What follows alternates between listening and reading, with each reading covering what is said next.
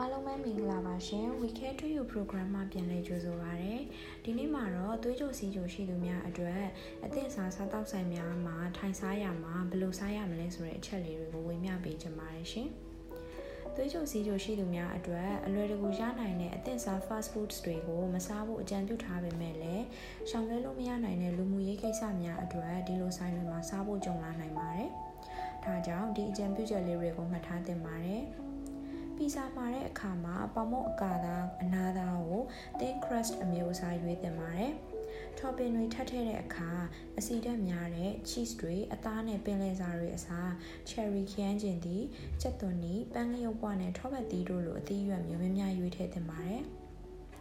မိမိစားမဲ့ပမာဏကလည်းအရေးကြီးပါတယ်။ဖီဇာဆိုရင် slice နှစ်ချက်ထက်တော့ပိုမစားသင့်ပါဘူးเนาะ။တစ်ချက်နှစ်ချက်နဲ့မတင်းတိမ်ရင်တော့အသီးရွက်တုပ်လိုမျိုးတပွဲမှာပြီးစားနိုင်ပါတယ်။ဘာဂါစားတဲ့အခါ double burger တွေ multi layer burger တွေထက်ကိုတစ်ထပ်တည်းဖြစ်တဲ့ single burger ကိုရွေးပါ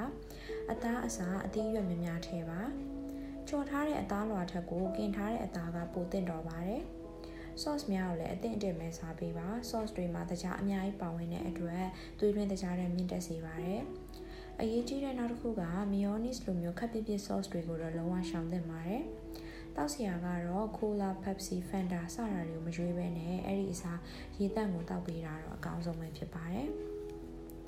အသင့်စား fast food တွေကိုလုံးဝရှောင်နိုင်ရင်တော့အကောင်းဆုံးပါဒါပေမဲ့စားရမယ့်အခြေအနေမျိုးကြုံလာရင်တော့အခုပြပြသွားတဲ့အချက်လေးတွေကိုသတိရပေးပါ